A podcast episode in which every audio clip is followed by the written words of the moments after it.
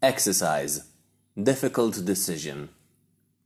What was the most difficult decision you had to make in your life? Try to ask your friends and family the same thing. Consider together whether these decisions were difficult.